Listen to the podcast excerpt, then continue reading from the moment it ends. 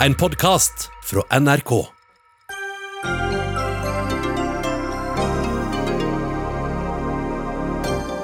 Skattepakka til oljenæringa er rausere enn det vi selv gikk inn for, sier oljeselskap. Pakka er det mest uansvarlige vi har sett i norsk politikk, mener SV.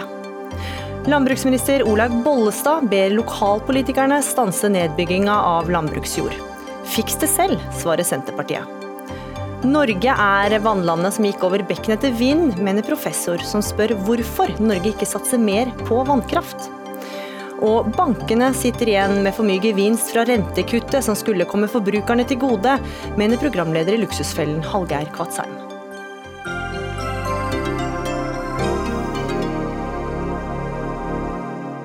Ja, velkommen til Dagsnytt 18 i studio Gry Veiby. Og I løpet av den neste time så spør vi også om vi er vitne til en ny kald krig mellom USA og Kina. Og Arbeiderpartiet kaller det oppsiktsvekkende at regjeringa ikke prioriterer utbygginga av fibernett til hele landet. De møter Høyre til debatt litt seinere i sendinga. Men først, det var nok mange som ble litt overraska da oljeselskapet Aker BP sa at oljebransjen har fått mer koronahjelp enn de trengte. I et intervju med NRK sier Aker BP-sjefen, selskapet der Kjell Inge Røkke er storeier, at politikernes skattepakke til oljeindustrien ble unødvendig dyr. Lars Haltbrekken, stortingsrepresentant fra SV. Hvordan tolker du de uttalelsene? Dette viser jo at uh, vi i SV hadde helt rett da vi sa at den oljeskattepakken var noe av det mest uansvarlige vi har sett i uh, norsk politikk på veldig lenge. Stortingsflertallet var villig til, og er fortsatt villig til, å kaste en uhorvelig mengde penger etter etter eh, oljeselskapene. Og resultatet av eh, dette er høye utslipp av klimagasser i mange år framover. Og det vi også frykter, er at eh, disse pengene vil bidra til å sette i gang olje- og gassprosjekt som egentlig er ulønnsomme, og som vil være et tap for det norske fellesskapet. Mm. Men tilbake til eh, den eh, skattepakken. Det var da altså SV sammen med Miljøpartiet De Grønne som var de eneste partiene som ikke ville gi oljebransjen skattefordeler. Og La oss rydde litt opp i dette, for det er ikke helt enkelt. For i dag er det sånn at oljeselskapene må skatte av det de tjener. Men fordi skatten er så høy, så har selskapene en særordning med friinntekt som gjør at de kan investere uten å skatte av alt de tjener. Og Politikernes skatteforlik førte til at oljeselskapene får igjen alt på skatten i år for investeringer som ellers ville tatt seks år å få tilbake. Og Målet var altså da at eh, oljeselskapene skulle ha mer å rutte med nå under eh, koronapandemien. Og Nils Kristen Sandstrøen, eh, stortingsrepresentant fra Arbeiderpartiet. AUF advarte dere, klimaorganisasjonene advarte dere om at dere nå kaster for mange milliarder etter oljebransjen. Og nå sier selv sjefen i Aker BP, som ikke hadde anledning til å delta i Dagsnytt 18 i dag, at staten ga unødvendig milliardlettelser. Hva var det som egentlig skjedde på kammerset som ga et slikt forlik? Arbeiderpartiets eh, standpunkt var hele tida tydelig i saken. Vi ønska å berge arbeidsplasser over hele Norge. Vi ønska å få inn teknologi i eh, denne bransjen som kan få ned utslippene og vi ville ha samla best mulig skatteinngang for helheten av norsk økonomi. Og Det Kjelsvik var inne på i dag, det var jo bare en liten del Sjefen i Aker BP, ja. Helt viktig, mm. som ikke kan være med her. Han eh, var inne på bare en liten del av norsk økonomi. Og vi var uenig med oljebransjen sitt forslag at dette skulle gå på selskapsskatten. For det ville føre til at vi fikk mindre skatteinntekter over helheten i norsk økonomi. Så Derfor så har vi vært med å kjempe gjennom våre krav for ny teknologi, lavere utslipp, for å berge arbeidsplasser i en kritisk situasjon i norsk økonomi. Og du må huske på følgende Men Hvordan tolker du da at, også, at de også sier at de fikk for mye? Det han sier, Hvis du eh, hører på hele intervjuet hans, så sier han at uh, leverandørindustrien, altså dem som uh, produserer da f.eks. understell til offshore-installasjoner, det er dem som denne pakka var ment for. Så Derfor så var vi uenig med det forslaget som Aker hadde med å ta det på selskapsskatten. Og vi fant fram til en helhet som nå har fått effekt for å sørge for å redde arbeidsplasser. Da må vi bare legge til det er fortsatt en meget kritisk situasjon for norsk økonomi. Det er deler av landet vårt hvor 40 av befolkninga i arbeidsfør alder står utafor arbeidslivet. I dag kom det oppdaterte SSB-tall som viser at bare siden februar så er det 53 000 flere mennesker i Norge som står utenfor arbeidslivet. Det tilsvarer så mange innbyggere som hele Bodø kommune, altså en stor bykommune. Men oljepakka i seg sjøl var god nok? Altså, den, Ikke for mye? Nei, Den sørga for, etter vårt skjønn, og det har vi jo sett nå med leverandørindustrien, at de får satt i gang teknologiutvikling som vil være avgjørende for f.eks. havvind i framtida. For å sørge for at vi får bygd verdens mest miljøvennlige skip i Norge, lavutslipp. Og Arbeiderpartiet kjørte på med krav i forhandlingene og fikk gjennomslag. og Derfor så har òg helheten blitt bedre gjennom den innsatsen som våre folk i finanskomiteen gjorde fra Arbeiderpartiet. Vi har vært i kontakt med Finansdepartementet, som ikke hadde anledning til å delta. Men Alexander Stokkebø, stortingsrepresentant fra Høyre. Høyre og regjeringa gikk opprinnelig inn for mye lavere friinntekt i april og mai. Hvordan er dere klart å gå med på 24 for Høyre og regjeringen har det hele tiden vært klart hva som er målet, og det er å sikre jobbene i vår største og viktigste næring. Sikre den kompetansen og kapitalen som vi vet vi er helt avhengig av for å klare å holde farten i det grønne skiftet. Og Da har vi vært opptatt av å finne løsninger som virker i praksis. Så er det helt riktig som du er inne på, programleder, at eh, regjeringen la fram et utgangspunkt som sikrer selskapene bedre likviditet til å holde investeringer og aktivitet i gang. Så fikk vi en del innspill til forbedringer på den pakken som vi lytta til. Og, og i samarbeid med ja, og forbedre den pakken, slik at en kunne opprettholde investeringer, sikre arbeidsplasser og kompetanse som er helt avgjørende i det grønne skiftet. Men Hvordan tolker du det nå, da? At uh, oljebransjen sjøl sier at det, det var for mye? Altså, Aker BP må jo få svare på situasjonen for sitt eget selskap. Nå er jo denne pakken først og fremst viktig for leverandørindustrien. og Der Aker BP ser på situasjonen for sitt enkelte selskap, så må vi tenke helhet og ta ansvar for hele norsk leverandørindustri.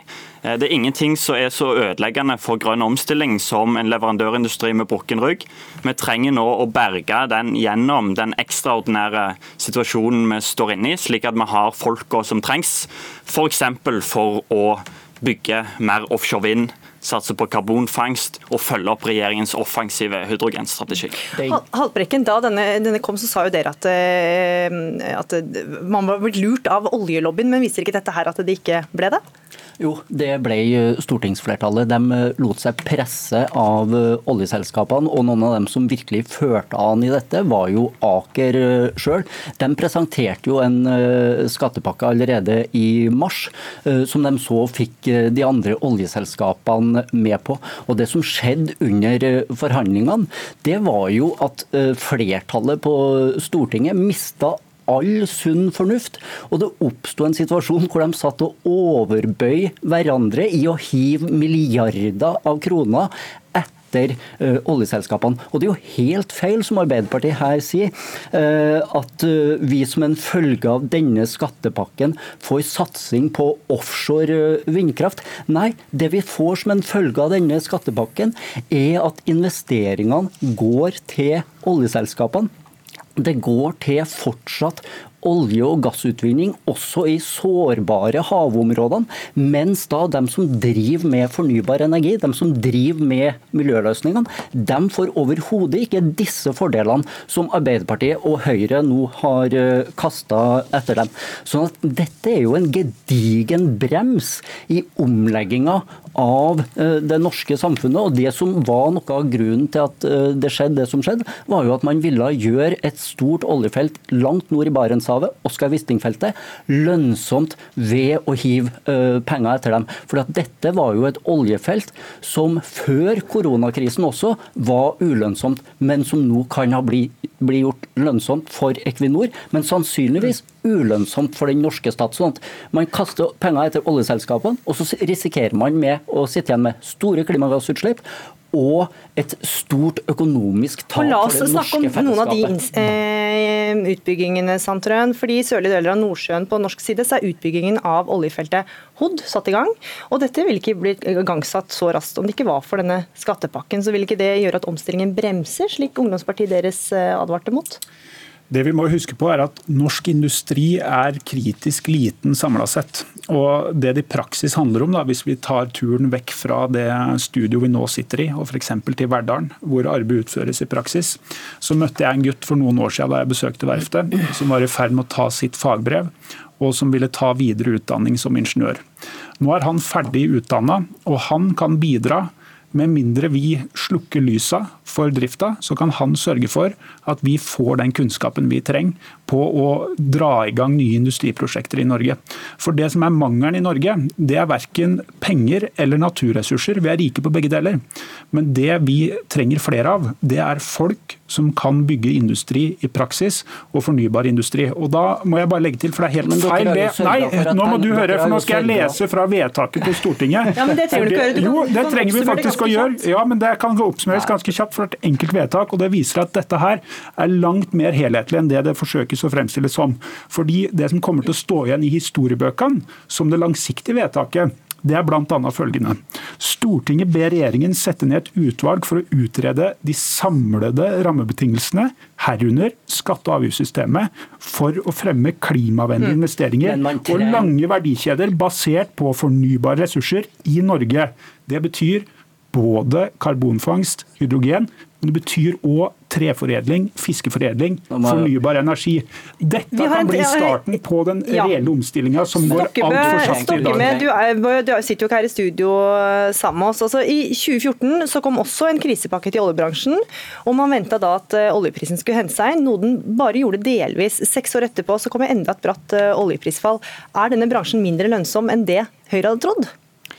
Det er ingen tvil om at denne bransjen er svært lønnsom, selv om det en syklisk bransje, så er det en bransje som siden forrige oljeprisfall har brakt inn mange hundre milliarder i inntekter til det norske fellesskapet. De samme midlene som vi nå bruker til å redde hele norsk næringsliv. Bare i fjor 257 milliarder til vår felles velferd, som vi nå kan bruke til å berge arbeidsplasser i hele norsk industri. Og så må jeg bare legge til en liten ting. For når SV eh, kaller, kaller, de som har kommet fram til et forlik her for uansvarlige, så er jo det et ord som er kledelig for de sjøl. Det å forlate bordet er jo å ikke ta ansvar. Eh, og Det er jo nettopp gjennom den enigheten vi nå har kommet til på Stortinget, at vi skal gå i dialog med industrien og få på plass forpliktende avtale for å få ned klimautslippene fra norsk sokkel med 50% innen 2030. Da trenger vi å sikre jobbene, og da trenger vi å beholde den kompetansen for å få det til. Ja, øh, dette er jo ikke riktig i det hele tatt, og det hører vi jo fra det Aker sier i dag. Og det må jo være pinlig for dette stortingsflertallet å ha gitt mange flere milliarder til oljeselskapene og den øh, fossile satsinga framover enn det oljeselskapene sjøl øh, ba om. Men, men de jo... sier jo samtidig Aker BP at disse investeringene i nye oljefelt ville kommet på et tidspunkt, det har bare blitt framskynda? Ja, og De sier at det ville ha kommet, men det som man har gjort nå, er jo at man har kasta mange milliarder ekstra etter oljeselskapene, og dermed bidrar til å gjøre oljefelt som var ulønnsom for det norske fellesskapet, lønnsom. Man legger altså opp til at vi skal drive storstilt oljeboring som ikke bare gir økte klimagassutslipp, men som også kan bli et økonomisk tap for velferdsstaten. Det er det som er det alvorlige i det som eh, nå har skjedd. Og disse utredningene som eh, Sandtrøen eh, snakker om, det kunne man fint ha vedtatt uten at man måtte ha kast milliarder av kroner etter oljeselskapene. Og Der må jeg faktisk sette strek, for vår tid er over denne debatten om eh, pakka. Vi har hatt flere ganger før og kommer sikkert til å ha det igjen. Lars Haltbrekken fra SV, Nils Kristen Sandtrøen fra Arbeiderpartiet og Alexander Stokkebø fra Høyre, takk for at dere var med i Dagsnytt 18. For nå skal vi rett og slett over til et helt annet tema, og det er jordvern. For etter et eh, besøk til det landbruksministeren selv kaller kornåkerlandet i Østfold nylig, sendte Olaug Bollestad et tydelig signal til lokalpolitikere i Norge. at De må stanse nedbygginga av landbruksjord. Og det fikk deg til å se rødt. Geir Pollestad, du er leder for næringskomiteen på Stortinget for Senterpartiet. Hva var det som gjorde deg så opphissa? Nei, Det jeg ikke likte, det var at uh, Olaug Bollestad her i plassen for å sette nye offensive mål for uh, For den nasjonale jordvernpolitikken så reiser hun rundt og peker på eh, lokalpolitikerne.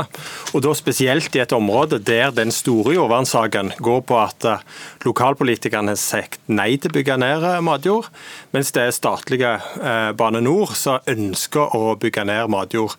Og da tenker jeg at Olaug Bollestad heller må eh, kjefte på eh, samferdselsministeren fra sitt eget parti, eh, i plassen for å gå etter lokalpolitikerne. Og så mener jeg at når vi har et jordvernmål som går til 2020, nå er vi i 2020, ja da er det høyst på tide å sette et nytt mål. Og Senterpartiet sitt mål er at vi ønsker å redusere omdisponeringa av dyrka mark enda mer enn det vi har gjort de senere åra. Olaug Bollestad, landbruks- og matminister. Dette her området er jo da altså eh, der hvor Østfoldbanen skal ligge, og som vil bruke 80 dekar dyrka eh, mark til jernbaneutbygging, som din regjering da altså har gått inn for, til tross for lokal motstand. Eh, var det litt feil å si det akkurat her? Nei, det er det faktisk ikke. og Jeg har lyst til å begynne litt med å si at eh, jeg er stolt av å sitte i en regjering som eh, får til å drive jordvern i forhold til når Geir Pollestad satt i Landbruksdepartementet, så bygde de i gjennomsnitt ned over 7000 dekar med dyrka mark. Og så var det sånn at vi foreslo i 2013 at vi skulle ha en handlingsplan som de sa nei til. Og så fikk vi til en handlingsplan i desember 2015. Etter det, i 2017, 2018, 2019, har vi klart å bygge ned under 4000 dekar. Så vil jeg at vi skal også få resultater fra 2020. Så jeg er helt enig i at vi skal sette nye mål, men jeg vil evaluere det vi har gjort, for jeg er opptatt av resultat. Og så vet Geir Pollestad like mye som meg at det, det er ikke ferdig planlagt med Østfoldbanen. Og Geir Pollestad han vet òg at han har gått høyt på banen sjøl, på Jæren, som òg er midt i matfatet og skal ha et dobbeltspor. Så det å lage jernbane, det er ikke det samme som å lage vei. Det er ganske mye mer krav til rette linjer enn det det er i, eh, på veier. Og Det gjør at det er kjempeviktig at vi nå setter planer og mål som er høye. Og Da er det sånn, vil jeg si, at eh, Lokalpolitikere må gjøre jobben sin, fylkespolitikere må gjøre jobben sin, og jeg nasjonalt må gjøre jobben sin. Og Jeg trodde ærlig talt, Geir Pollestad, at du var opptatt av eh, nær folk. Og Da er det lokalpolitikerne som vet best hvordan de skal legge til rette for eh, selvstendig næringsdrivende som er bønder. Ja. Og de og må ta sin jobb. Pollestad, Det er jo kommunene som har ansvar eh, for arealforvaltning. Hvorfor er det da feil å be dem ordne opp? Det er det, eh, som det er de som regulerer og gjør den jobben der. Eh, samtidig så er jordvernet et eh, statlig ansvar, eh, og Derfor mener vi at det, må forvaltes nasjonalt. Og Vi ønsker derfor at en skal si Eh, nei når lokalpolitikere ønsker å bygge industri og bolig på eh, dyrka mark. Det som er i denne saken i Østfold, er jo at det er ikke jernbane en skal bygge ut engang. En skal bygge en parkeringsplass for tog og togvogner. Og Den har en tenkt å legge midt på dyrka mark. Og Det er derfor jeg sier at dette må en eh, ta med samferdselsministeren. Så vil jeg òg ta litt på historieskrivinga her. for En kan gjerne mene at når nærmere år 2000 så bygde en ned mer enn i dag. Selvsagt 2013 snakker vi om. Selvsagt gjorde en eh, det men det har gått gradvis nedover. Og i alle disse årene så har KrF vært en viktig alliert for Senterpartiet når vi har satt nye mål, fått nye vedtak på Stortinget. Det som er nytt nå, det er jo at Olaug Bollestad er blitt bremsekloss, og KrF er blitt bremsekloss oppi dette. Vi ønsker å gå videre. Vi ønsker å halvere fra 4000 dekar i året og sette et nytt mål, maksimalt 2000 dekar, innen 2026. Og Det er det målet vi inviterer Kristelig Folkeparti til å være med på. De har vært med på alt tidligere, men nå har Olaug Bollestad fått makt, og da er hun mest opptatt av retorikken og tall og slenge dem rundt etter hverandre. Men dette har gått rette vei. Nå må vi fortsette. Og det er spørsmålet til Kristelig Folkeparti. Vil dere være med Senterpartiet på å redusere forbruket av dyrka mark ytterligere. Ta vare på vårt lands mulighet til å produsere mat. For det er det dette handler om. Det handler ja, og da må jeg spørre deg, Bollestad, Er dere med på å skjerpe jordvernmålet? Ja, det er vi faktisk. Og vi har faktisk gjort det. Vi var med som foreslo at vi skulle redusere den dyrka marka i 2013, hvor Senterpartiet faktisk ikke var med, og faktisk sa nei. Så jeg syns i anstendighetens navn at Geir Pollestad og Senterpartiet må faktisk koste for egen dør. Og så syns jeg òg Geir Pollestad Ropstad, når du sier at vi skal si nei på nasjonalt nivå, så kan jeg vise til to plasser, Sandefjord og Porsgrunn er to av de siste plassene jeg har sagt nei. Og jeg vil bare minne om hvem som sitter med varaordføreren i Sandefjord og Porsgrunn. Det er faktisk Senterpartiet som ønsker da å bygge ned. Og hvor jeg som landbruksminister sier nei. Så det er ikke sånn at vi ikke sier nei. Men vi har et ansvar i fellesskap. Ja, fordi vi har under 3 dyrka mark som vi skal lage maten vår på. Danmark har 67 dyrka mark. Vi har større areal. Vi må passe på at vi ikke bygger ned. Men vi må ha en, en målsetting som vi klarer å holde. Og det har vi vist i denne regjeringa. Fra 2015 til nå har vi altså gått ned fra 7000 dekar i året til under 4000 dekar i året. Det viser at handlingsplaner virker. Men Bollestad, du snakker om det lokale, og i et intervju med E24 så snakker du om de vanskelige enkeltsakene. Ja. For det blir vanskelig å stå imot uh, lokalt. Det er jo noen dilemmaer de står i her. Er det ikke bedre da at ja. Eh, avgjørelser burde tatt sentralt? Det er helt sant at det er dilemma. Det er det i alle saker som lokalpolitiker. Fordi du står nærme folk. og Det vet Geir Pollestad, og det vet jeg. Jeg har sovet som ordfører. Jeg vet hvor vanskelig det er når bøndene selv kommer og ønsker å bygge ut bare 20 hus hos meg. Og det å si nei, men det må vi faktisk tørre å si lokalt. Og så må en gjøre det regionalt. En lager fylkesplaner for dyrkamarka. Da kan vi ikke bygge de, de, den planen vi har lagd for 40 år, ned på 10 år. Fordi da må vi jo regulere regulere på nytt igjen. Og Dette går utover dyrkermarka, og dette har vi til felles, Geir Pollestad. Så istedenfor å være høy og mørke og begynne å si at vi ikke vil, så vil jeg vise til resultater. Jeg vil evaluere og jeg vil legge en ny plan, for jeg har et mål om å redusere mest mulig. Og da er det resultater det, det handler ikke om å være høye og mørke, det handler om at vi fører, Senterpartiet foreslår ting på Stortinget, og vi får ikke Kristelig Folkeparti sin støtte. Vi vil på ny i høst foreslå dette på Stortinget, at vi skal sette oss et nytt mål. For nå er vi i 2020. Det gjeldende målet var fram til 2020. Da mener vi at vi må eh, ha et eh, nytt mål.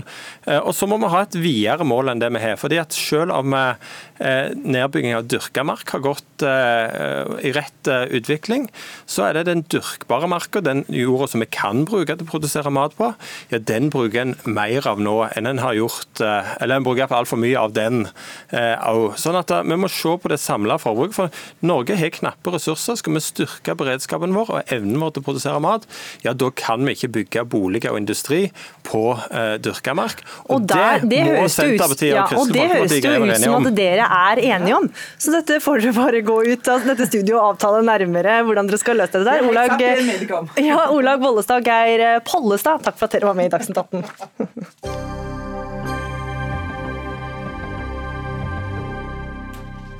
Da koronaen stengte ned Norge, satte Norges Bank ned styringsrenta for å gi nordmenn billigere lån. Men det merka ingen på lommeboka før etter flere uker. Bankene tok penger som skulle kommet forbrukerne til gode, mener Hallgeir Kvatsheim fra Luksusfellen, som er på vei hit. Men nå skal det handle om vann og vind og fornybar energi. For hvorfor skal Norge bygge vindmøller når vi kan utnytte vannressursene vi har, eh, mer effektivt? Det spør du om i en kronikk i Aftenposten eh, tidligere i sommer. Terje Tvedt, du er professor i historie og har skrevet flere bøker om vann. Og du kaller dette Norge vannlandet som går over bekken etter vind. Hva mener du med det? Nei, med det mener jeg at Norge er jo helt unikt i hvert fall i europeisk sammenheng. Sånn 95% av all elektrisitet vi bruker, kommer fra vannkraft. Eh, Norge har 1600 kraftverk. I et land som Egypt har de hatt ett. Eh, Norge historisk har blitt knyttet opp til bruk av vannkraft helt fra sagbruksindustrien fra 1500-tallet til slutten av 1800-tallet. Norge var dominerende i Europa, ikke pga. at vi hadde så mye skog, Svenskene hadde mer skog, finnene hadde mer skog. Men pga. at vi hadde fosser som kunne drive denne oppgangssaga som sagde tømmer. Nederlenderne, som jo hadde vindkraft, de kunne ikke gjøre det. De kom hit. For at her var det mulig å bruke denne tradisjonelle teknologien. Og så Seinere vet vi at Norge var det landet i verden med flest eh, gardsmøller mm. per befolkning. Og hva betyr det? Jo, det betyr at i dette landet så renner det vann overalt. Mm. Ikke bare noen steder, sånn som mange land, men over hele landet og hele året. Og Nå har vi altså et vannland som går over bekken etter vind. Hva er det du etterlyser? Nei, Jeg etterlyser en ordentlig, en ordentlig undersøkelse av hva er potensialet ved dette unike vannlandskapet nå og i fremtiden. Man har undersøkt hvor mye olje det er i Nordsjøen, og har brukt milliarder av kroner på det. Men nå opererer man i det grønne skiftet, som om vannkraftens æra er over, så å si. Altså Fortsatt så skal vannkraft selvsagt være det viktigste eh, kraftkilden i Norge. Men når det gjelder de nye eh, kraftkildene under det grønne skiftet, så er plutselig vannkraften mistet ethvert potensial, mens vindkraften har overtatt. Og hvis man tenker på hele Norges industrielle historie, ikke sant. Mm. Ja, men jeg må si gjenta det igjen, fordi at folk er ikke klar over hvor spesielt det er. I 1929 hadde Norge 2000 kraftverk. Altså et hvilket som helst land, en hvilken som helst forsker, en hvilken som helst historiker et hvilket som helst land som hørte det tallet, vil si hva? Mm. Mener du det? Kjetil eh, Lund, du er direktør i Norges vassdrags- og energidirektorat, NVE. Alle er jo enige at vannkraften er utrolig viktig for Norge. Hvorfor snakker vi da om vindmøller? Uh, ja, men la, meg begynne med å si at Jeg er helt enig med Tveitvedt i at uh, vannkraften er ryggraden i det norske kraftsystemet. Sånn har det vært i uh, eh, 100 år, sånn er det i dag og sånn vil det nok være i mange tiår framover, kanskje alltid. Og Jeg er også enig i at vi må legge til rette for å utnytte vannkraften vår godt. Eh, og eh, foreta eh, opprustninger der det er og utvidelser og kanskje også nye utbygginger der det er miljømessig forsvarlig. Og Hvorfor snakker vi da fortsatt om vindmøller? Ja, for Vi snakker om vindmøller fordi at det har vært et politisk ønske i Norge de siste årene om å legge til rette også for vindkraft. Eh, men det er ikke slik som Tait Tvedt har eh, framstilt det som i Aftenposten, at vi derfor har vanskjøtta vannkraften, ikke prioritert vannkraft. Fra NVE sin side så har vi de siste årene prioritert vannkraft vel så høyt som vindkraft i konsesjonsbehandlingen. Vi har gitt flere konsesjoner, langt, langt flere konsesjoner til vannkraft enn til vindkraft. Vi har særlig prioritert opprustninger av eksisterende vannkraftanlegg. Forenkla konsesjonsbehandling for dem. Eh, og det er også slik at eh, Vannkraft er omfattet av dette støttesystemet, altså elsertifikatordningen. Eh, ofte får man inntrykk av at det gjelder kun vindkraft, men det gjelder også for vannkraft. Fram til dags dato har faktisk vannkraft fått mer av sånn støtte enn vindkraft har. Det er en ordning som er teknologi nøytral. Mm. Så vi har, eh, Men politisk i Norge så har man ønska å legge til rette for mer fornybar kraft i eh, Norge, og da har man prioritert både vindkraft og vannkraft. Mm. Tvedt, er det, er det unødvendig å satse på vindkraft? Nei, altså jeg er jo for at Norge undersøker muligheten inne på det vindkraft og vannkraft og hva den skulle være. Jeg. Det er ikke det som er mitt anliggende. Mitt anliggende er, og det Eh, tror jeg nok at Kjetil Lund nå hopper litt bukk over. Det er klart at et land som Norge, hvor vannkraften spiller en så viktig rolle, at der gir de flere konsesjoner til småkraftverk enn til vindkraftverk. Altså, mm. Noe annet ville vært helt underlig. Men det er ikke det som er spørsmålet. Det som er spørsmålet er jo i hvilken grad går NVE og politikerne i spissen for en ordentlig, langsiktig, uavhengig undersøkelse av hva som er potensialet hvor man samler de beste hjernene i verden, så også i Norge, til å gjøre det. Vi vet jo at det finnes undersøkelser som er gjort av NTNU-forskere som langt, langt overgår NVEs egne kalkulasjoner over hva som er eh, potensialet.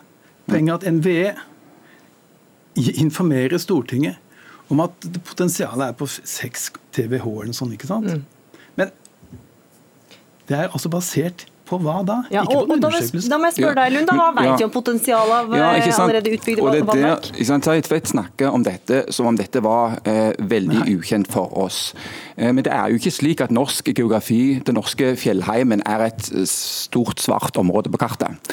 Eh, eh norske vannkraftpotensialet er godt kartlagt. Eh, det har vært en altså, Men dere er mer nøkterne enn NTNUs forskere i den studien ja, som men, sant, det, er, det er mindre enn et år siden, mindre enn et år siden det ble lagt fram en egen NOU, som det heter. altså En egen eh, offentlig utredning, ekspertutvalg, som da så på skattlegging av vannkraft.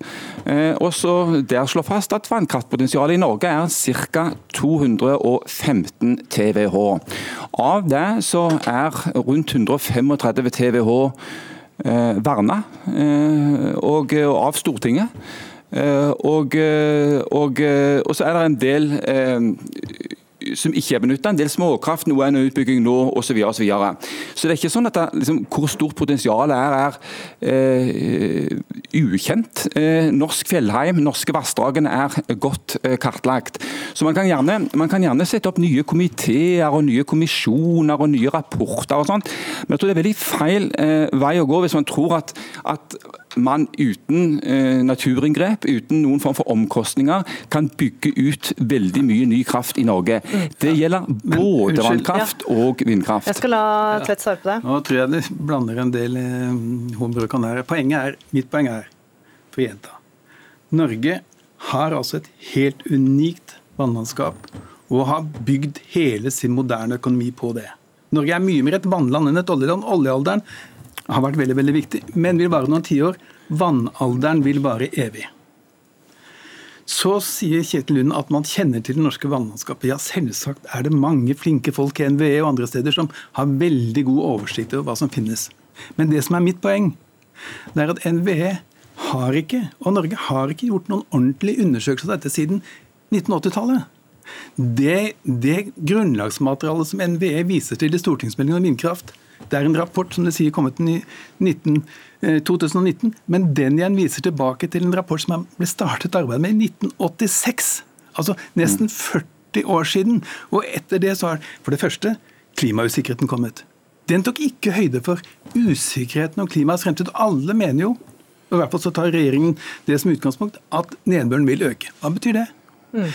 Den tar ikke hensyn til den enorme endringen i teknologisk eh, kapasitet og kompetanse som har skjedd siden 1980-tallet. Den tar ikke hensyn til ikke minst den nye kommune- og fylkesgrensen som akkurat ble vedtatt. Et av problemene med oppgradering og utvidelse av vannkraft for norske, i norske vassdrag har jo nettopp vært at eierstrukturen har vært oppdelt. Nå er det annerledes. Hva vet ND om det? vi skal la, vi skal la men, men det, er slik, det, det er jo ikke slik at det har kommet til veldig mange nye vassdrag i Norge siden 80-tallet. og Det er heller ikke slik at vassdragene blir veldig påvirket av fylkesstrukturer. Eh, vi, vi lager, har lagt flere rapporter om dette. Vi er enig i at det finnes potensial for enda mer oppgradering av vannkraftanlegg. Derfor så har, jeg, derfor så har, vi, derfor så har vi, som jeg sa, prioritert dette høyt i vår konsesjonsbehandling framover. Og vi tror også at det kommer til å komme flere TWh som følge av utvidelser og oppgraderinger av vannkraft framover. Vi kommer også til å få noen TWh ekstra kraftproduksjon som følge av klimaendringene. For der kommer det å regne mer, mer nedbør. Alt dette er omtalt i rapporter. Også omtalt i det, de artiklene vi, du og jeg har hatt gående natt og fram i Aftenposten. Men, Men ikke noe ny forskning på dette? vi må ikke tro at Jo, disse, mm. mye av disse rapportene er nokså nye. Det er bare nå i vår så la vi fram en ny rapport om oppgraderinger hvis vi skifter ut løpehjulene på eksisterende kraftverk.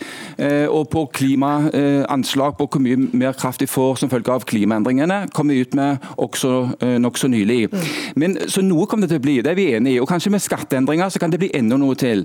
Men, og det er viktig, vi må ikke tro at vi får veldig stort omfang av ny kraft i Norge uten at det har noen form for naturinngrep. Både vannkraft og vindkraft ja. vi, eh, la, har naturinngrep. vi skal la naturinngrepdebatten ligge. Takk for at dere var med i Dagsnytt 18, Terje Tvedt, professor i historie, og Kjetil Lund, direktør i Norges vassdrags- og energidirektorat, NVE.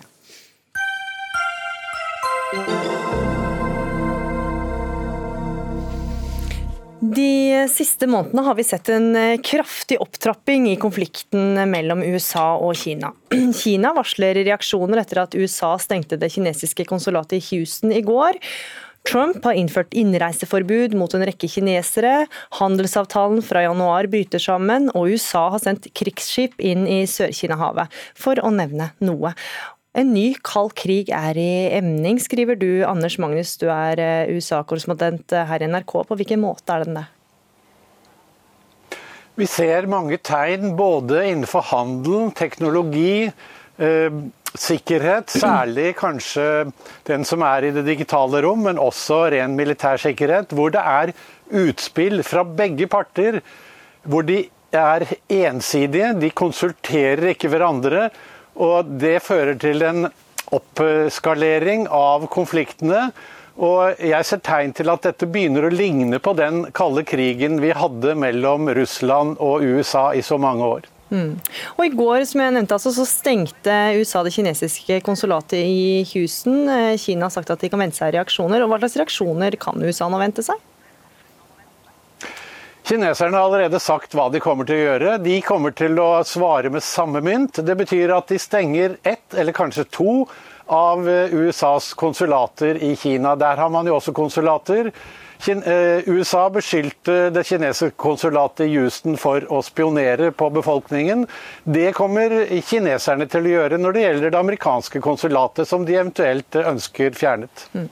Olav Chen, fondsforvalter i Storebrand. Du sa til oss tidligere at konflikten mellom USA og Kina er mye preget av retorikk og symbolske handlinger. Ja, eh, først og fremst eh, med tanke på hvordan situasjonen var eh, ett år tilbake når det gjelder handelskrigen. Jeg tror i dagens situasjon hvor økonomien er i knestående, det er snart valg, så vil det ikke eskalere såpass eh, at man vil få en såpass uh, tydelig handelskrig som man hadde i fjor, med toll og andre restriksjoner som rammet økonomiene veldig hardt. Fordi Nå er situasjonen helt annen i USA. For et år tilbake så var arbeidsledigheten på den laveste siden 50 år. Nå er det på høyeste siden depresjonen, nesten. Så situasjonen har snudd helt opp ned. Og jeg tror derfor ikke at Eh, denne sabelrasjoneringen vil eskalere seg i hvert fall så kraftig, slik at du vil se en enda uh, kraftigere forverring av økonomien. fordi Det er et viktig premiss for at Trump skal vinne valget. Så Sånn sett så tror jeg det er veldig mye retorikk, mye sånn utvisning eller nedstengning av konsulater osv.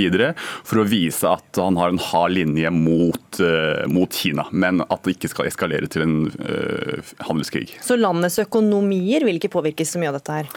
På sikt ville det. Så hvis eh, Trump blir gjenvalgt, eller eh, også hvis Biden blir gjenvalgt, det er ganske konsensus i, USA at Kina på en måte er den eh, nye, viktige rivalen, tror jeg. Så jeg tror på, på lang sikt vil det være en eh, langsiktig skilsmisse faktisk, mellom de to økonomiene. Eh, det ble nevnt den kalde krigen. Nå er økonomiene mye mer tett integrert enn det USA og Sovjetunionen var. og Den sovjetiske økonomien var mye mindre. Så Sånn sett så vil vi se klare eh, eh, trender hvor de økonomiene kommer til å skilles ganske betydelig. Og, få, og, det vil også få globale konsekvenser. Ja, Anders Magnus, Det er jo snakk om kald krig her. men USA har sendt krigsskip i, til Sør-Kina-havet, og i tillegg så snuser Kina på Arktis. Bør vi være bekymra for militære sammenstøt? Ikke nå. Eh, USA ønsker å vise eh, kineserne at de ikke kan eh, regne Sør-Kina-havet som sitt, slik kineserne faktisk gjør og bygger baser der.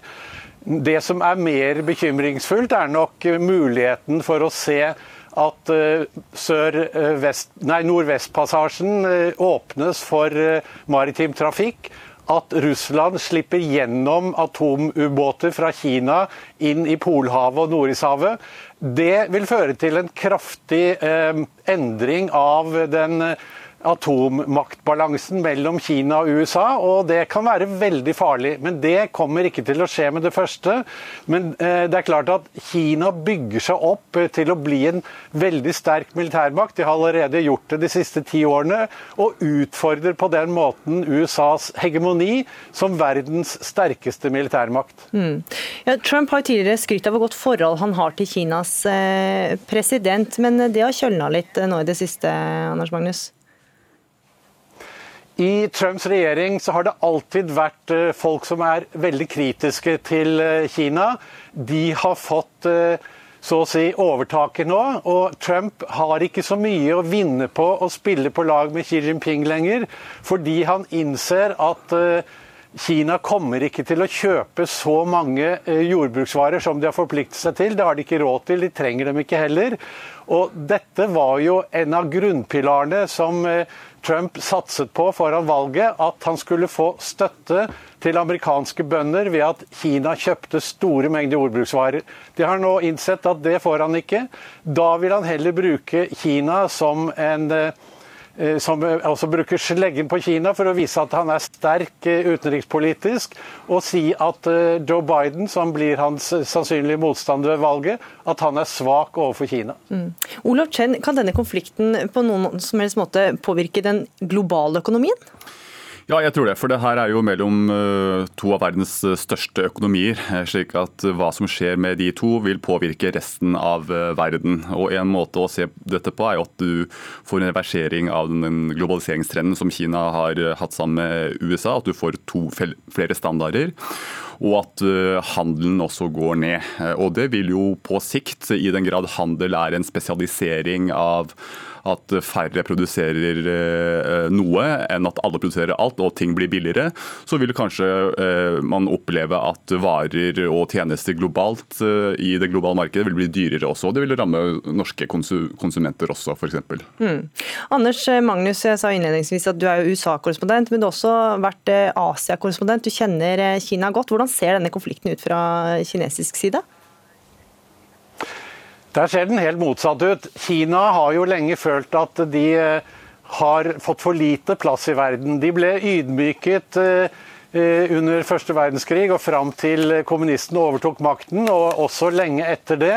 Nå ønsker det kommunistiske partiet i Kina å vise verden at Kina har blitt mektig igjen.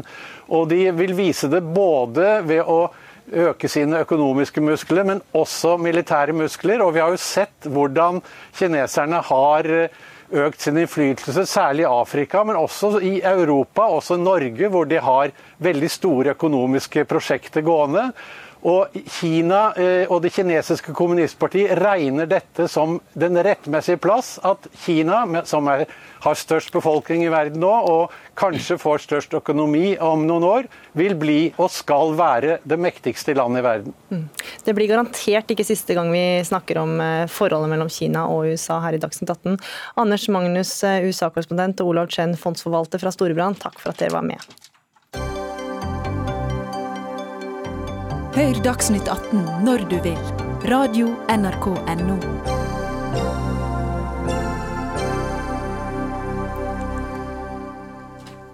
Hundretusenvis av nordmenn ble arbeidsledige i mars, og de økonomiske bekymringene vokste, også for nordmenn med jobben i behold.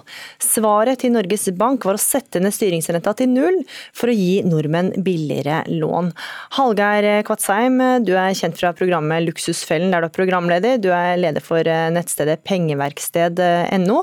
Du ble provosert da du så de gode resultatene for andre kvartal til banker med norske kunder. Hva var det du reagerte på? Jeg reagerte mest på det at de hadde økt utlånsmarginen sin såpass mye eh, i våres. Dette gjaldt eh, DNB, som jeg så på, men også andre banker. Nordea har jo vært og innrømt dette. At de, at de gjorde det. Og Hva betyr, og så... det? hva betyr det, at de har ut, økt utlånsmarginene sine? Det betyr det at du får egentlig en høyere rente i disse bankene enn, eh, enn, eh, enn, du, skulle hatt i forhold til den rentenedgangen som var. At de tar litt mer av marginen. Så Relativt sett så kommer de, noen av disse bankene dårligere ut eh, versus konkurrentene enn de, de gjorde før da i mars. Mm. Og dette reagerte du på? Ja, jeg gjorde det. fordi at, uh, altså Litt av paradokset til problemet til bankene nå er jo at de har allerede uh, såpass, eller har hatt såpass høye marginer på innskuddskundene. Dvs. Si at uh, sparerenta den har jo vært nede på ett-tallet for mange av kundene på sparekontiene. og Derfor kan de ikke redusere den renta så mye mer. og Da må de ta litt mer på lånekundene. og Derfor var jeg ute og sa at nå må lånekundene passe på at de får den renta som de de egentlig eh, holdt si, fortjener, hvis de er litt sånn eh, frampå her. Mm. Tom Staavid, informasjonsdirektør eh, i Finans Norge. I forrige uke så fikk vi altså se hvor mye bankene tjente på boliglånskundene, og det var rekordgevinst. Tok bankene seg for godt betalt av privatkunder med boliglån i andre kvartal? Jeg, jeg, syns det grenser til nesten useriøst at vi skal eh, måle eh, hvordan bankenes rentemarginer har utviklet seg i en så kort periode i den kanskje aller største krisen norsk økonomi har vært i siden, siden krigen. Eh, jeg må bare si først at jeg, jeg er utrolig glad for og stolt over å kunne være talsmann for en næring som har stått så fjellstøtt gjennom koronakrisen som det norsk finansnæring har gjort. Eh, de aller fleste bankene har redusert rentene raskere enn de normalt ville gjort. Dette er et gjennomregulert marked. Eh, alle norske banker har hatt åpne telefoner og hjulpet kundene sine dag og natt, både husholdninger og uh, næringslivet, for at de faktisk skulle komme seg gjennom denne første kneika. Og norsk finansnæring har laget og bistått uh, norske politikere og Stortinget med å utvikle de, og tatt samfunnsvaret og utviklet de lånegaranti, den lånegarantiordningen og kompensasjonsordningen som vi etter hvert fikk på plass. Og vi fikk den på plass uh, lenge før alle andre. Men, men står, vi bankene kunne satt ned, står vi bankene kunne satt ned renta på dagen, men de venta i flere uker. Hvorfor ble ikke renta satt ned raskere? Nei, fordi det er et forhold mellom det er, det er, egentlig to svar på det. Det ene er at dette er uh, regulert, sånn at i de periodene der rentene går uh, mye ned, så vil man få et lite etterslep. Og i de periodene hvor rentene går opp, så får man den motsatte effekten, nettopp fordi at det er en varslingsfrist.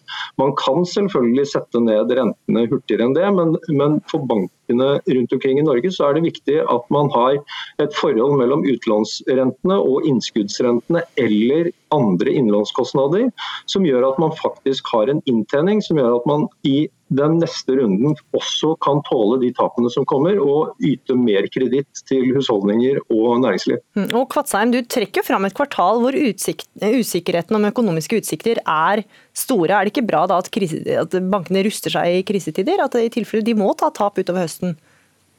Ja, nå har jo mange av disse bankene en ganske god pengebinge allerede. Altså DNB de hadde vel et overskudd samla de siste fem åra på 116 milliarder kroner. Jeg håper og tror jo at de gjør sånn som de dyktige forbrukerøkonomene i bankene råder oss til, nemlig å sette av litt eh, penger på bufferen, sånn at de også kan stå imot de uh, harde tidene. Og Vi så jo også på resultatet til ja, DNB og flere banker at de, de har ikke så veldig stor resultatnedgang uh, i andre kvartal. Så eh, jeg kjøper, ikke, jeg kjøper ikke, helt det der at vi skal hele tida altså, som kunder vente og se vente og se. Det var samme argumentasjon som også mange banker kom med i mars. Både på hvorfor de ikke kunne sette renta like mye ned som Norges Bank, og ikke minst at dette måtte skje med minst seks uker. Uh, de sier det da at vi må vente og se hvordan dette, dette har, hva dette vil si i pengemarkedet. Mm. Ja vel, så gikk renta ned i pengemarkedet, det stabiliserte seg. Eh, men de gjorde ingenting før Norges Bank kom med enda et rentekuttet, var jo bare nødt til å sette den ned. Så jeg har ikke den samme tålmodigheten som eh, står vi. Vi skal ta inn en tredjeperson her, Jorge Jensen, du er fagdirektør for finans i Forbrukerrådet. Hva tenker du, sto bankenes rentenedsetting til Forbrukerrådets forventninger? Nei, Vi hadde ønska at de skulle sette raskere ned. Og vi var ikke alene om det ønsket. Det var jo et politisk ønske helt fra Frp på den ene sida av skalaen til RV på den andre, som, som, fremstilte de samme forventningene. Og Det som er litt lite poeng her, og det blir kanskje litt mye tall, da, men norske husholdninger har veldig mye gjeld. Altså, vi har 3,7 billioner kroner i gjeld. Altså, det er helt sykt størrelse, egentlig. men uh, hvis, ja, hvis denne gjelda ble fordi at eh, eh, sentralbanken satte ned renta 1,5 prosentpoeng. Hvis all denne gjelda her ble 1,5 prosentpoeng billigere, ja, så ville norske husholdninger fått en stor lettelse i sin økonomi. Den ville beløpt seg til ca. 55 milliarder kroner. Så dette var jo et tiltak som ble tatt ikke for å berge banker, ikke for å sikre soliditet. Dette var et tiltak som ble gjort for å avlaste norske husholdninger. Mm. Og Der bremsa bankene, og det burde de ikke ha gjort. Ja, og står vi Norges Banks stresstesting eh, av norske banker viser at nordmenn er betalingsdyktige selv i krisetider? Så Hvilken usikkerhet kjenner bankene på som gjør at det tar tid å sette ned renta? Ja, det er jo fordi at mesteparten, eller i hvert fall en stor andel av de pengene bankene låner ut, låner de inn i pengemarkedet. Der endrer kredittforslagene seg gjennom perioden vi har vært igjennom, ganske mye. Dere hadde akkurat en diskusjon uh, nå knytta til USA og Kina. Det er veldig stor usikkerhet i verden. Det er klart det For en bank som skal være sikker på at man er solid og kommer til å være solid fremover, så er dette viktige vurderinger. Og så hører jeg Hallgeir Kvadsheim si at uh, han blafrer opp noen tall på 116 milliarder, eller hva det måtte være. Det er, det er altså et faktum at det ikke er noe superprofitt i norske banker. Norske banker har overskudd på linje med annet norsk næringsliv registrert Oslo Børs. Uh, og og det er beinhard konkurranse for å få tak i lånekundene. Og, og, jeg mener også at det er et vesentlig poeng at bankene har utviklet Norge til å være det landet i verden hvor det er enklest å utnytte bankkonkurransen. Det tar deg altså ti minutter på hjemme-PC-en, helt digitalt. og Da kan du søke lån i en hvilken som helst norsk bank. Du trenger ikke å finne frem et papir. Det gjør banken for deg, og du får et svar på hvilken rente du kan få av den banken. Så Jeg forstår rett og slett ikke denne kritikken om at én, en, det ikke er konkurranse. Vi vet at det er beinhard konkurranse, og norske forbrukere skal egentlig ikke bry seg om den diskusjonen vi har her nå. Norske forbrukere skal søke å få de laveste rentene der de kan få dem. Ja, og Jorge Jensen, jeg spørre deg da, fra Forbrukerrådet, Er det ikke kundenes oppgave sjøl å undersøke hva bankene kan tilby? Jeg vil bare først si at Det er ingen som har i denne debatten sagt at det ikke er konkurranse. så Jeg forstår ikke hvorfor det skal bli trukket frem. Men eh, jo, og det vil det være. Det vil være norske forbrukere sin oppgave å, å administrere seg gjennom. Men som du nevnte, vi har hatt 400 000 personer som er blitt permittert. De kan ikke like gjerne gå til banken og si hei, jeg skal ha bedre betingelser. Fordi at de har fått eh, De har, de har egentlig ikke det kravet. Så, altså, hvis man hadde et samfunnsansvar, så ville man hatt et omsyn for disse også. Men det er jo kredittrisikoen for disse 400 000 er jo blitt eh, større enn hva før krisa, eller før de ble permittert. Så Sånn sett så står det ganske mange nordmenn ute av stand til å fremforhandle seg enten til en ny bank eller til bedre vilkår. Så Da begynner det jo faktisk å koste noe å ha samfunnsansvar. Og Det er jo der det blir spennende å se hvordan bankene eh, møter den nye virkeligheten. Ståvi, hvis du bare klarer å svare litt eh, kort på dette. altså Kundene kjenner også på en usikkerhet. Er bankene flinke nok til å komme kundene i møte under kriser? Ja, det vil jeg absolutt si. Norske banker har bidratt og vært førstelinjeforsvaret for mange av de permitterte som, eh, som Jorge Jensen snakker om. Jeg tror ikke Jorge Jensen har noe grunnlag for å mene at ikke de permitterte også har fått lavere eh, boliglånsrente i den perioden vi nå har vært igjennom. Mm. Så jeg, jeg jeg, jeg, bare gjentar, jeg er stolt over hvordan norske banker har oppført seg og bidratt med samfunnsansvaret gjennom denne akutte krisen, som har vært meget alvorlig, og fortsatt er meget alvorlig for norsk økonomi. Og Så får vi se da om eh, det er flere enn meg som blir inspirert nå og tar en telefon til banken sin for å presse mm. ned boliglånsrenta. Jørge Jensen fra Forbrukerrådet, Tom Stovi fra Finans Norge og Hallgeir Kvatsheim, fra, kjent fra Luksusfellen. Takk for at dere var med i Dagsnytt 18.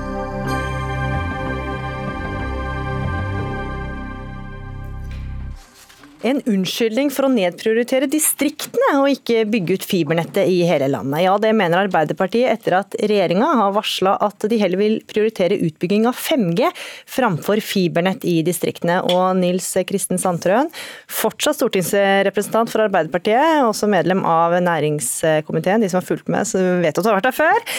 Du eh, mener at denne prioriteringa fra regjeringa skaper et klasseskille mellom bygd og by. Hvordan gjør det det? Det er helt klart at det blir klasseskille hvis det blir forskjell på hvem som kan utføre arbeid hjemmefra, hvilke unger som har tilgang til å gjøre lekser i sin husstand, og hvordan det er muligheter for å etablere nye arbeidsplasser, lokalt næringsliv, og forsterke det i distriktene. Men, men Hvordan er det å ikke bygge ut fibernett i hele landet med på dette? Fiber og bredbånd, eh, skikkelig høyhastighets internett med eh, god kapasitet, det er i dag en grunnleggende infrastruktur på linje med strøm. Og Sånn vil det bare bli i større grad i åra som kommer, fordi stadig mer av samfunnet vårt baserer seg på og forventer at alle sammen har tilgang til internett. Og Med kommunikasjon med de offentlige myndighetene nå, så stilles det nå gjerne krav til at du må levere det du skal sende inn på internett. Og mm. Da blir det mer trøblete for dem som ikke har en stabil, rask og sikker tilgang. og Det så vi veldig godt nå under koronaen, hvor mange skoleunger da fikk mer utfordringer med å gjøre skolearbeid hjemme, der det mangler internett i dag. Ja, Tom Christer Nilsen, stortingsrepresentant eh, fra Høyre, også medlem av næringskomiteen. Du stiller på vegne av eh, regjeringa, da statsråd Helleland har eh, ferie. Holder det å bygge ut 5G framfor fibernett, egentlig, når du hører problemene det kan skape? Nå vil jeg vel si at Både virkelighetsbeskrivelsen og problemstillingen som Nils Kristen Sandtrøen tar opp, faktisk er litt, eh, litt feil. Jeg tror det bunner på en, et intervju som var i Adresseavisen.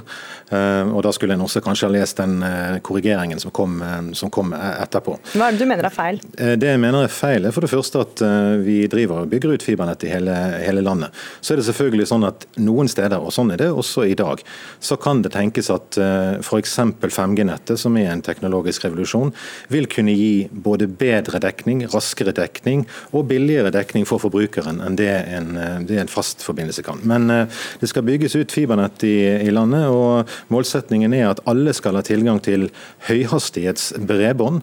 Eh, akkurat nå så er vi, i år kommer vi til å nå 90% som var målsetningen Stortinget la for dette. Og vi er det landet i verden sammen med Danmark som har høyest størst grad av utbygging av dette. Og alle skal få et høyhastighets eh, bredbåndsnett i hele landet. Eh, så må vi selvfølgelig velge den teknologiske løsningen som er best for den enkelte, og det vil i noen grad markedet avgjøre. Men alle skal ha høyhastighets eh, bredbånd, og de funksjonene som Nils Kristen Sandtrøen beskrev her, skal alle dekkes av det bredbåndet som skal være i hele landet.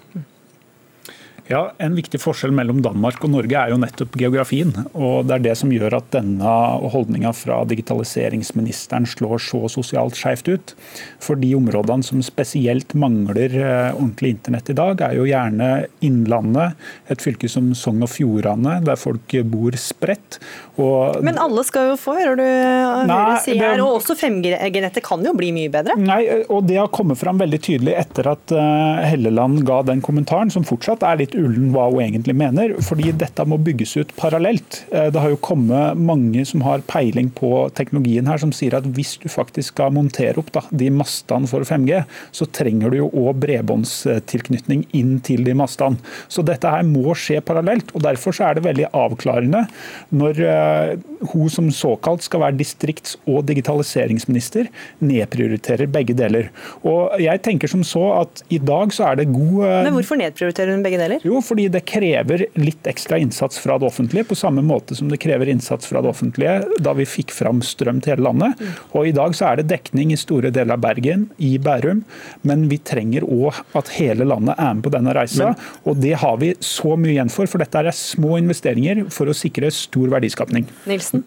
Ja, altså Enten så hører jo ikke en Sandtrøen etter, eller så, så, er vi i to forskjellige programmer. Fordi Jeg har nettopp sagt det skal være full eh, dekning av høyhastighets bredbåndsnett i hele landet. Og Det er helt riktig som Sandtrøen sier, vi vet alle sammen at den masten som står der og skal sende ut eventuelt 5G på eventuelt 100 eller 300 megabit eh, kapasitet, den er jo avhengig av at det skal være fiberkabel fram til den masten. Og det er klart at For noen så vil det beste være å ha fiber inn i veggen, og for noen så vil de ha høyere fleksibilitet. De fleste av oss har jo kabelen inn i veggen, og så har vi trådløst nett i huset. Det er selvfølgelig sånn at det er ikke noe kjempestor forskjell på den, eh, det trådløse nettet starter utenfor veggen istedenfor å starte inni veggen, så lenge du får samme ytelse. Men jeg gjentar, og det samme har distriktsministeren sagt, vi skal ha høyhastighets bredbåndsnett i hele landet til alle. Og Det er ytelsen som er det viktige, kanskje ikke hva båten heter. Eh, så her tror jeg rett og slett jeg bare må be Sandtrøen om å høre litt etter.